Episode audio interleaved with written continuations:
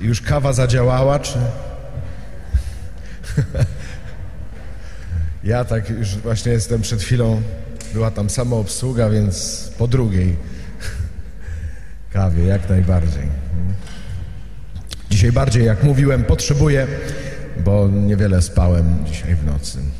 Mieliśmy bardzo piękne uwielbienie wczoraj w Kościerzynie i później jeszcze z kapłanami rozmawialiśmy do późna.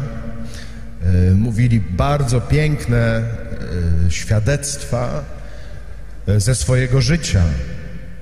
Przyznam, że dawno już nie miałem okazji tak sobie zasiąść wieczorem w takim kapłańskim gronie, nie pośród dominikanów, ale z księżmi diecezjalnymi i pogadać o Panu Bogu i te, tym, jak On się objawia w codzienności. Także wyjechałem stamtąd bardzo zbudowany i jak zobaczyłem dzisiaj Matkę Bożą, że ja spod tamtej Matki Bożej pod drugą Matkę Bożą trafiam, to mnie to bardzo ucieszyło. Myślę, że e, jak zapraszaliśmy Ducha Świętego, to taki jest zamysł Pana Boga wobec nas też e, konkretnie odnośnie dzisiejszego dnia, żeby nas nauczyć patrzeć na rzeczywistość, na nasze życie, na życie innych ludzi, którzy są wokół mnie, e, oczami Pana Boga. Jak widzi te sprawy Bóg? Dlatego, że my mamy z tym kłopot, e, bo mamy popsute oczy. Nie widzimy siebie, nie widzimy świata, nie widzimy dzieł Bożych tak, jak je widzi Bóg. Albo przesadzamy w jedną stronę, albo przesadzamy w drugą stronę, ale jesteśmy ślepcami. Nie wiem, czy znacie taką y, historyjkę. Y, taka bajka to jest, można powiedzieć, bajka filozoficzna. Jak czterech ślepców chciało się dowiedzieć, y, co to jest słoń. Jeden stanął przy trąbie i mówi, to jest taki wąż. Drugi stanął przy nogach i mówi, to są takie dwie kolumny. Trzeci pod brzuchem mówi, to jest takie półokrągłe u góry. A czwarty przy ogonie i on mówi, to jest taki pędzelek. I każdy z nich na swój sposób poznania nawet miał rację. Ale żaden z nich nie widział, jak wygląda słoń. Nawet gdyby się ze sobą podzielili i mieli te cztery informacje, to jeszcze nie wiedzieliby, jak wygląda słoń. Że potrzeba by było wiele innych jeszcze informacji, wielu innych ślepców, jeżeli tak można powiedzieć, żeby dowiedzieć się, jak wygląda słoń, a i tak nie bylibyśmy pewni, czy oni by to dobrze złożyli w całość. I my mamy taki kłopot, ale my tak naprawdę nie prosimy nawet o to, jak wołamy o Ducha Świętego, żeby nas było tak dużo, tych ślepców, żebyśmy wszystko podotykali, wszystko zbadali, żebyśmy wiedzieli o całości. My chcemy widzieć. My prosimy Ducha Świętego o to, żeby dał nam oczy, żeby dotknął naszych oczu, żebyśmy widzieli rzeczy takimi, jakimi są. Mówię o tym, że mamy popsute oczy, bo to gdzieś jest od początku nasze doświadczenie. Może nie od samego początku, jak Pan Bóg nas stworzył, bo stworzył nas na obraz i podobieństwo swoje, ale to jest o nas prawda po grzechu. Kiedyś przyszła do mnie, jak byłem w Poznaniu w klasztorze, taka muzułmanka e, i mówi: Proszę pana, czy pan mógłby mi powiedzieć, o co chodzi w Biblii? Bo ja Koran znam, Biblii nie znam, a studiuję filologię polską na pierwszym roku i każą mi czytać Biblię. Czy pan mógłby mi wytłumaczyć? Ja mówię, to jakieś kilkanaście lat przed nami. ale mówię tak, może od czegoś zacznijmy. A ona mówi, no, to zacznijmy od początku. Co właściwie się stało tym pierwszym ludziom? Czy im się popsuły oczy? Ja się zdziwiłem, pamiętam, i mówię, ale jak pani, co pani ma na myśli? Jak to, że im się popsuły oczy? A ona mówi, no jak to? Przecież Bóg przychodzi tak, jak zawsze przychodził. Z powiewem przychodzi. Oni wychodzili, witali go jak przyjaciela. A teraz się chowają. Bóg się nie zmienił. Byli nadzy, nie odczuwali wstydu. Teraz zakładają sobie przepaski, zasłaniają się przed sobą. Czy oni się zmienili? Czy im się nie popsuły oczy, że zaczęli te same rzeczy widzieć inaczej? Nie? I oczywiście nie chodzi nawet o te oczy fizyczne, ale o nasze postrzeganie. Jak ja postrzegam Boga, jak ja postrzegam drugiego? Ten grzech pierworodny, tak go nazywamy, on sprawił coś, że zepsuł nam widzenie, że zepsuł nam postrzeganie. I nawet nie jesteśmy całkiem ślepcami, ale tak jakbyśmy mieli popsute oczy, te same rzeczy widzimy inaczej. Czego to dotyczy? Powiem tak szybko, upraszczając, bo można by o tym długo mówić, ale zobaczcie, jak w serce tam głęboko spojrzymy, to co właściwie się popsuło? Że ja się chowam przed Bogiem, że ja się zasłaniam przed drugim człowiekiem. Straciliśmy ufność. Nie mamy ufności, że ten, który przychodzi, jest dobry. Straciliśmy ufność, że ten, który przychodzi, mnie kocha. Że nie przyszedł mnie skrzywdzić, że nie przyszedł zepsuć mojego życia, tylko przyszedł z miłością i dobrocią do mnie.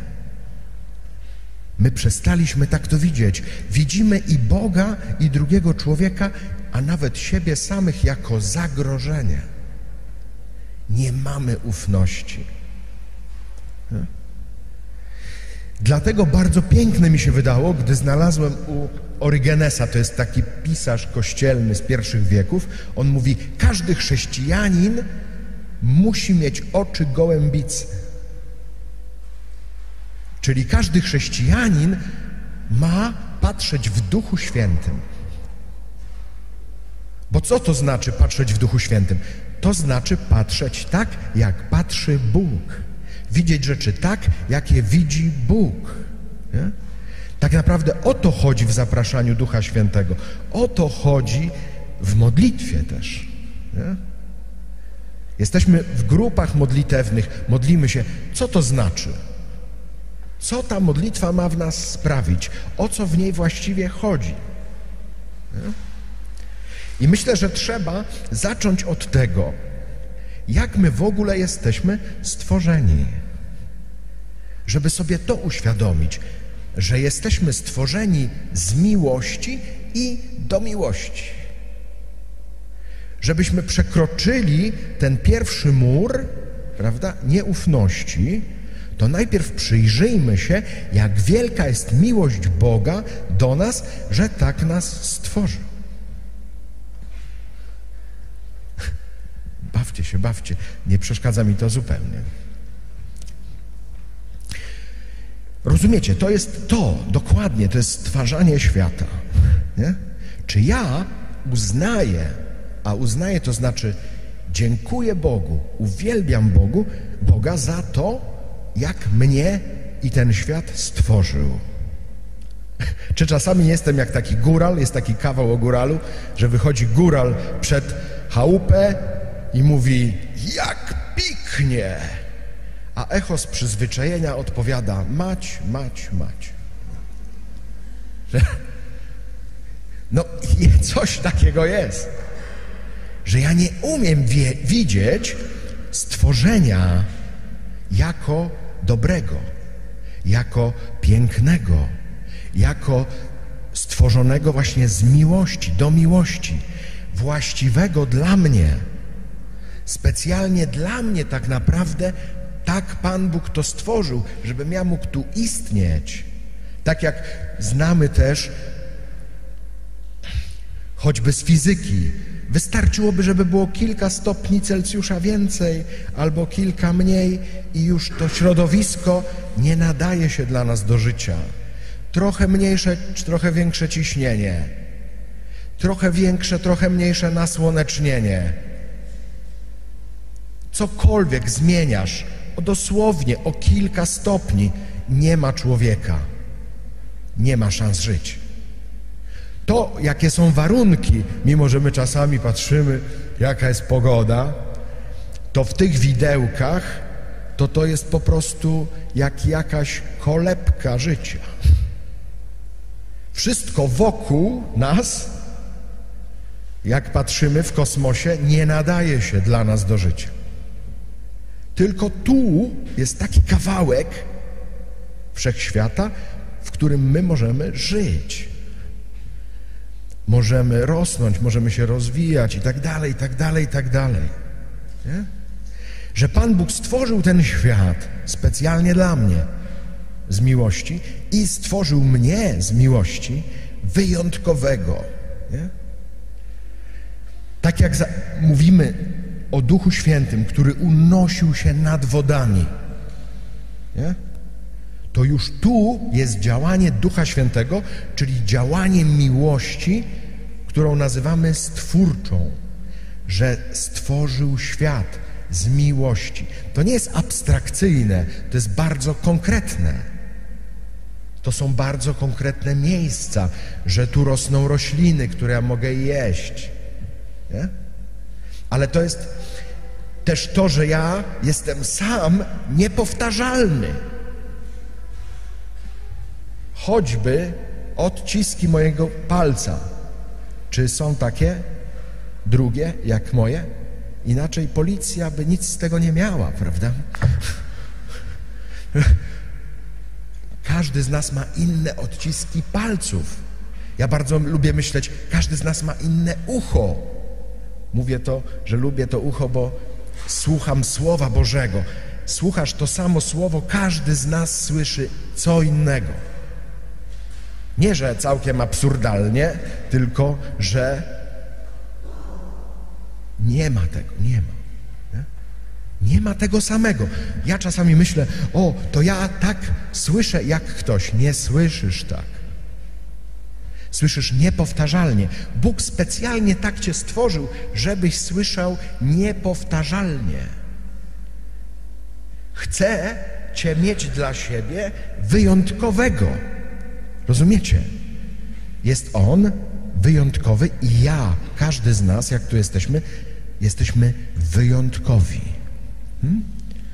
I Bóg bardzo chce, żebyśmy to zobaczyli. I to nie jest przeciwko wspólnocie. Właśnie to w pełni służy wspólnocie, jeżeli ja zobaczę swoją absolutną wyjątkowość. Takiego jak ja nigdy nie było, nie ma i nigdy nie będzie. To jest fantazja, którą Pan Bóg ma. Nie jesteśmy tak jak w tej bajce Reksio z pieczątki mc, mc, mc, mc. Wszyscy tacy sami. Nie byłoby łatwiej, nie byłoby wygodniej. Jeżeli byśmy patrzyli na to czysto ekonomicznie, to tak byśmy nie wyglądali. Tylko miłość uzasadnia to, że każdy z nas jest wyjątkowy i to Panu Bogu nie przeszkadza. Jeżeli my to zobaczymy, jeżeli umiemy uwielbiać Pana Boga, dziękować Mu za to, że tak jest, to wtedy możemy powoli zaczynać patrzeć na siebie i na siebie nawzajem jako dar, jako coś dobrego, a nie jako zagrożenie wobec mnie. Nie? A my mamy cały czas tą nieufność i cały czas tutaj mamy kłopot. Nim się w ogóle coś dalej podzieje, to tu mamy kłopot. Jak modliliśmy się o Ducha Świętego i patrzyłem na tą pietę ze skrzatusza, Ja zobaczyłem właśnie to. Matka Boża, która trzyma Jezusa na kolanach. Czy on jest umarły, tak jak tutaj?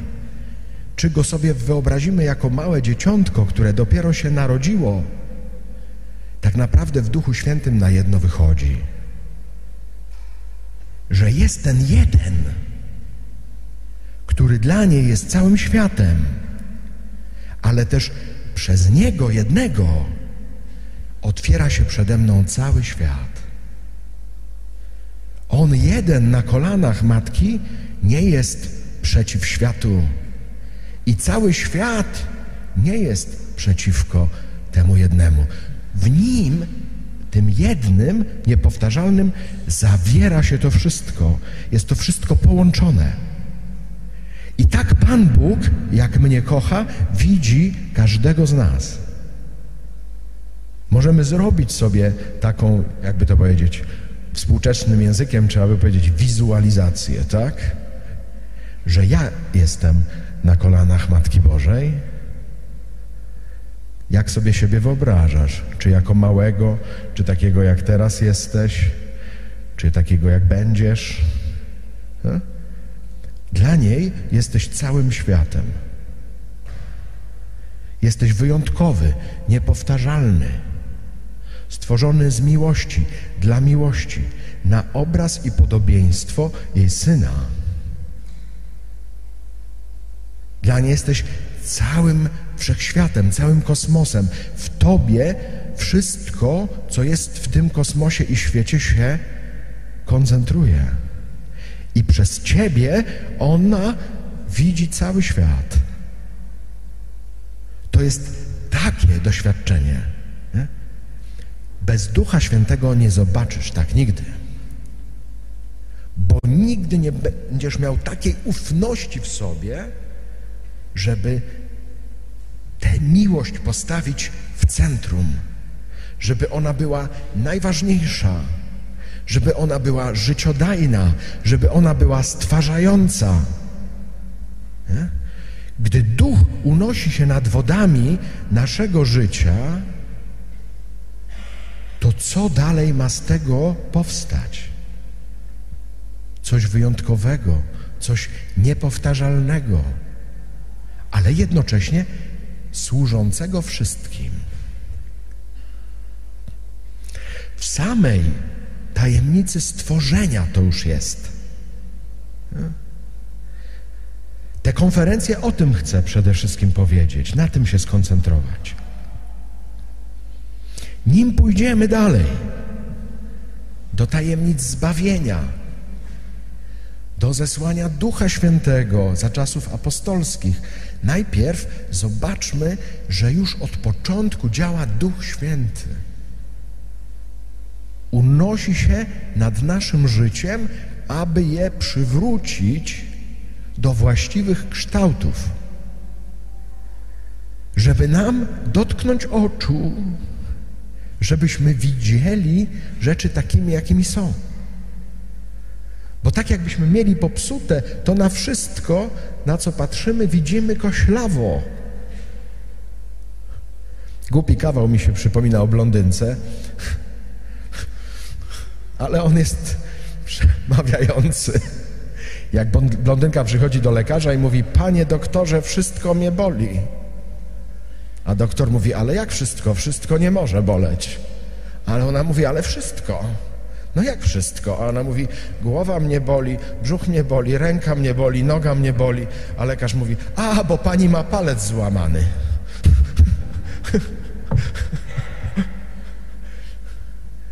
To jest to, że ja przez ten ból patrzę na wszystko. Że czy ja patrzę na głowę, na rękę, na nogę, na cokolwiek, na drugiego człowieka, na ten świat, wszystko widzę przez ten ból. Wszystko widzę przez to skrzywienie. Wszystko widzę w nieufności. Nie? To jest na przykład też yy, yy, taka choroba, którą choćby widzimy, przypomina mi się taki midrasz o Mojżeszu. Jak Mojżesz wyprowadził Izraelitów, byli na pustyni i był taki czas, że chodził środkiem obozu.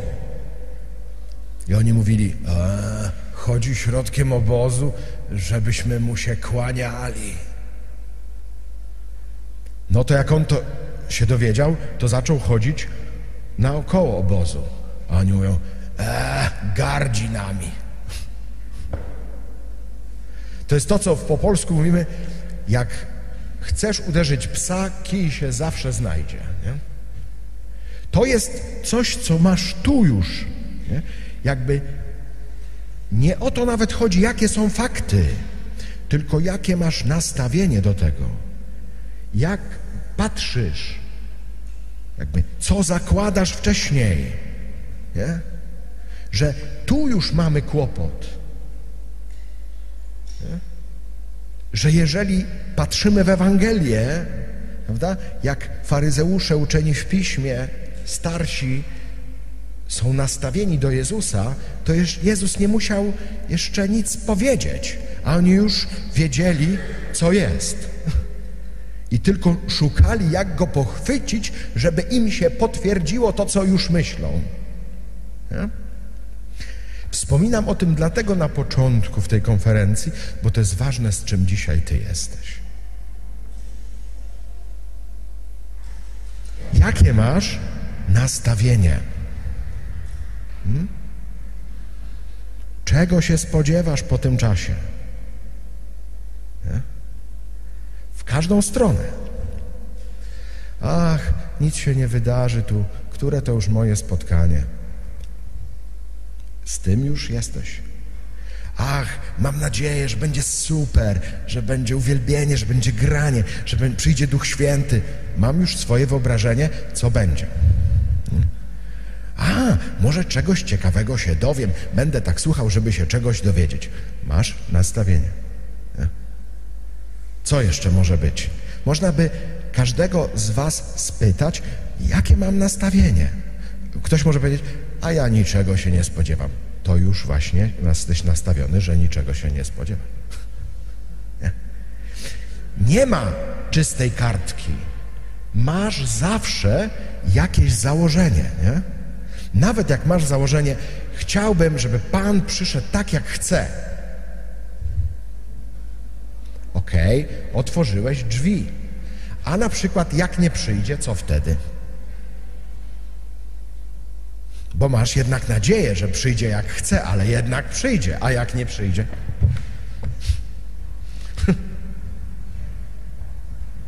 To będziesz rozczarowany, a wtedy on przyjdzie i nawet go nie zauważysz.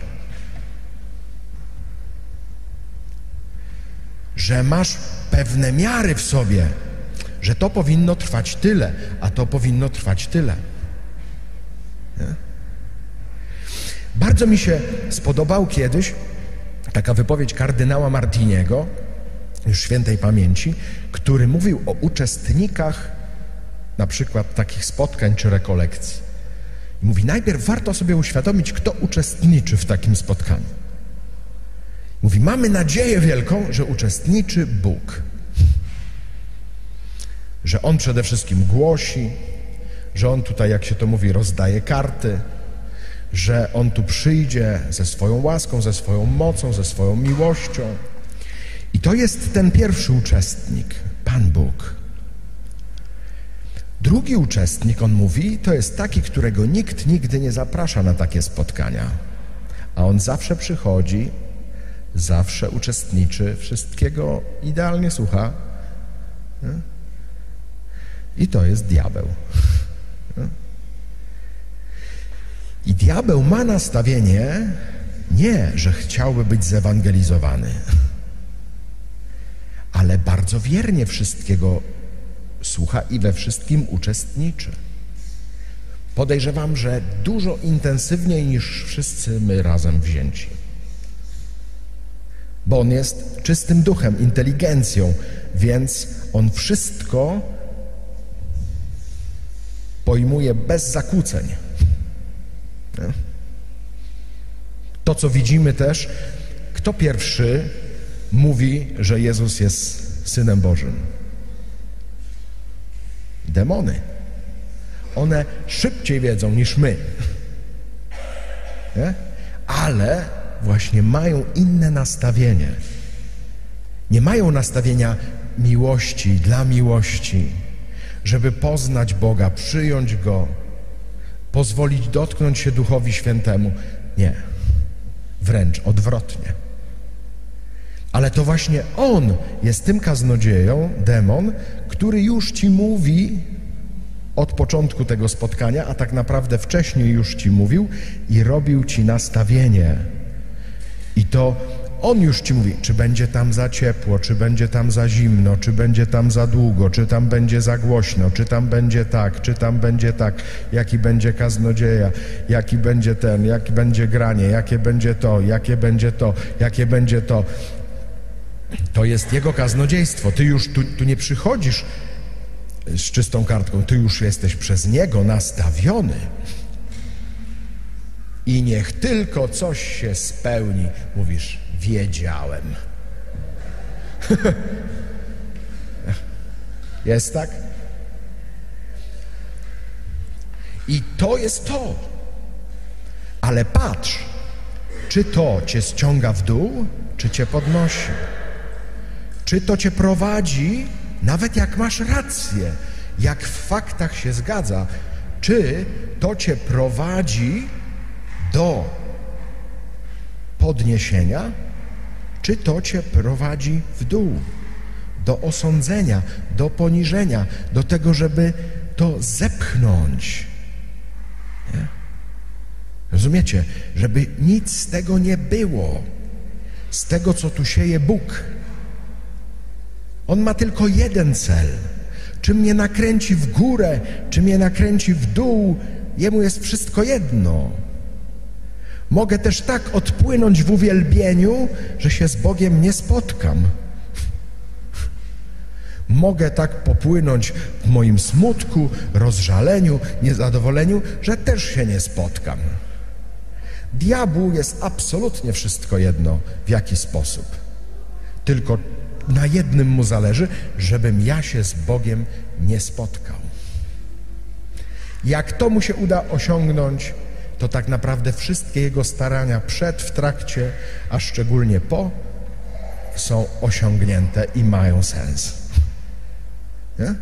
To bardzo często się dzieje na końcu spotkania.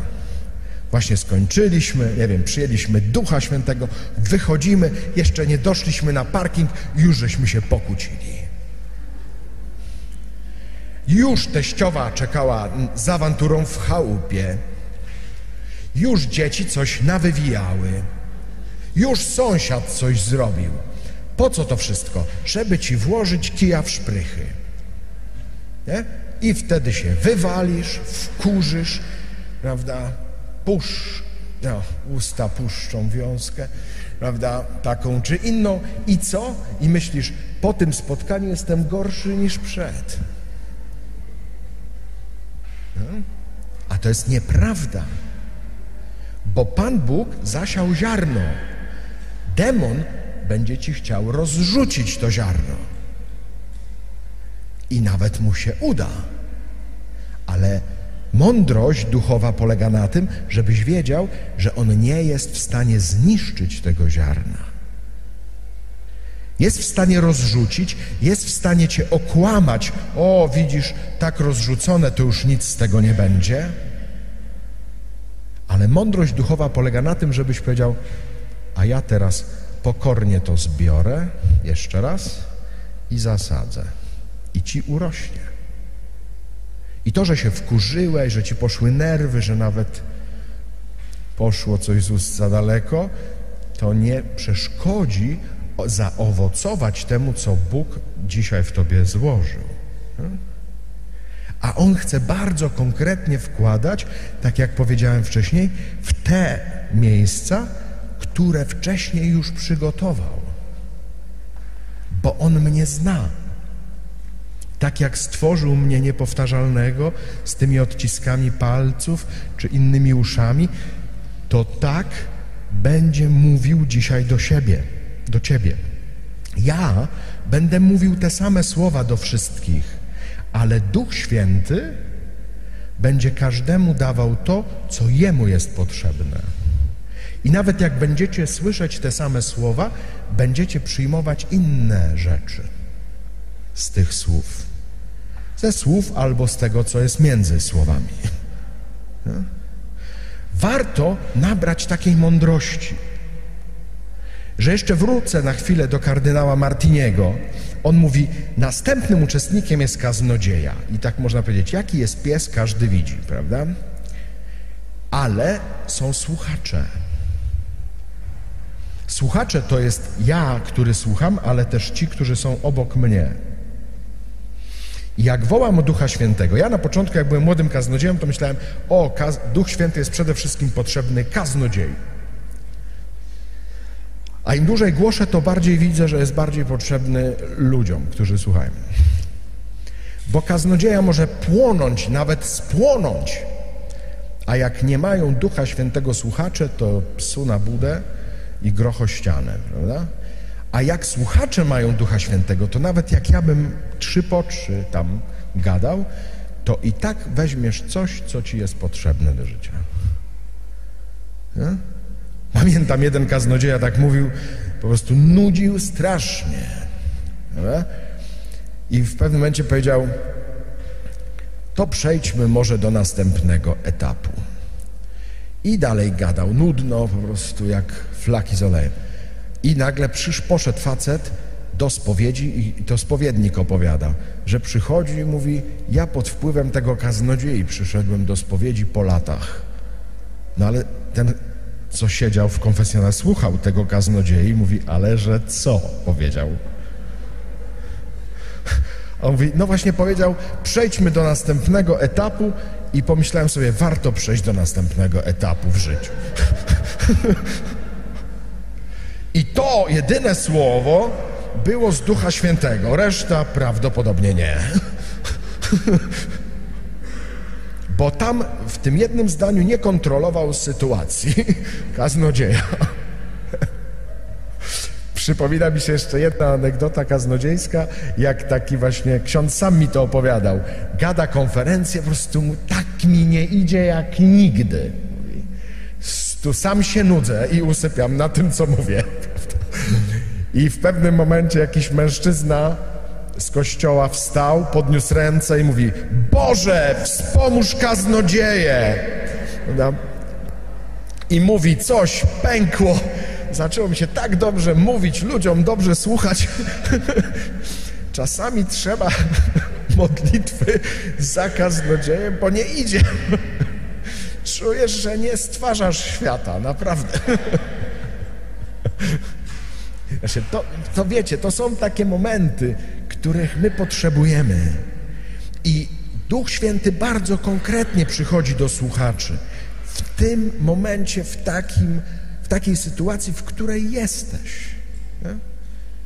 Jeszcze mówi o jednym uczestniku, to jest Kościół widzialny i niewidzialny. To są ci wszyscy, którzy się modlą za nasze tutaj spotkanie i wszyscy aniołowie i święci nasi patronowie.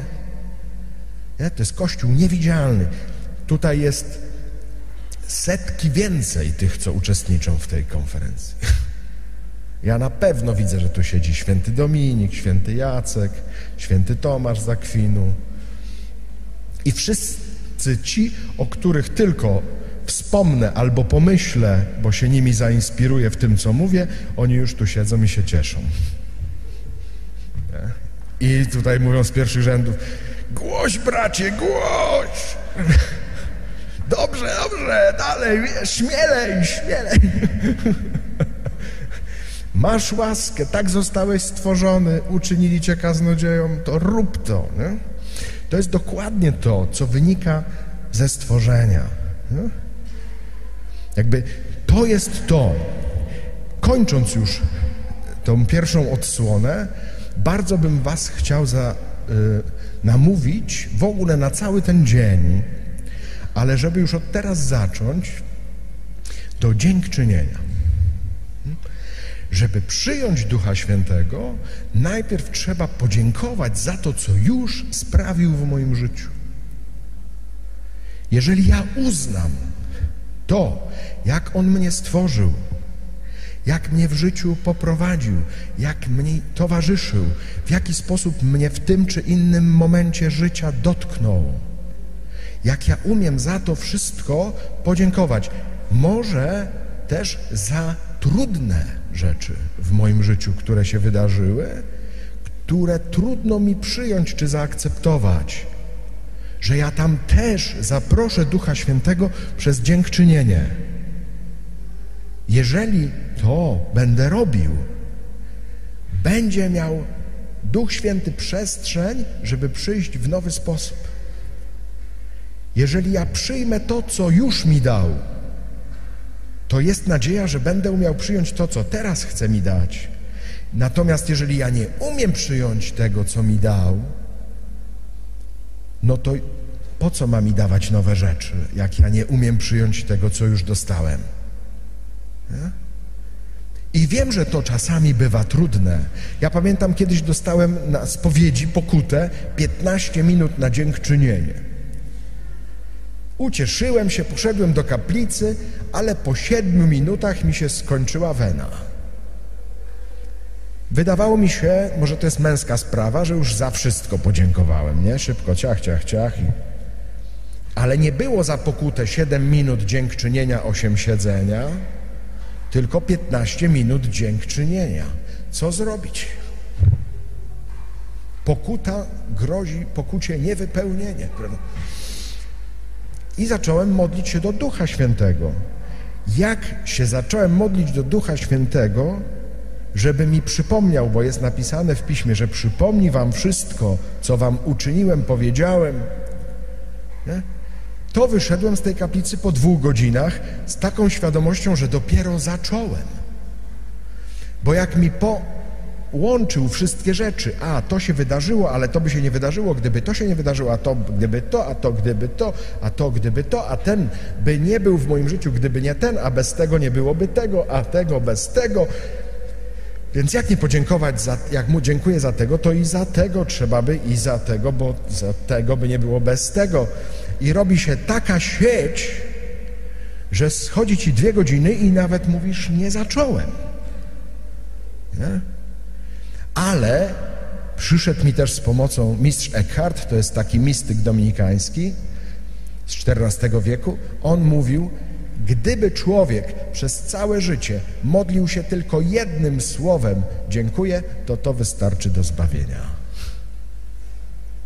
Jeżeli to, co też święty Paweł mówi, masz wdzięczne serce, że przyjmujesz wdzięcznym sercem to, co Bóg ci daje, czy tak jak mówimy, co przynosi życie, to wtedy masz coraz więcej miejsca i przestrzeni w sercu i w swoim życiu na przyjmowanie kolejnych darów. Ja pamiętam, jak doszedłem w tym moim dziękczynieniu do trudnych momentów w życiu,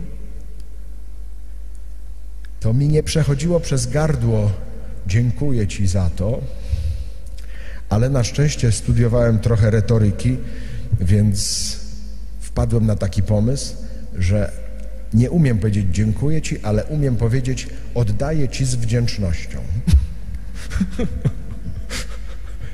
I przez 15 minut oddawałem z wdzięcznością, ale wtedy już mi się rozszerzyło serce i już po 15 minutach to samo mówiłem dziękuję to za to, dziękuję, dziękuję, dziękuję. Czasami nie w jednym kroku sobie poradzisz, bo są rzeczy do przebaczania, bo są rzeczy tak rozgrzebane, tak poranione, że to się tak jednym krokiem nie pokonuje tego.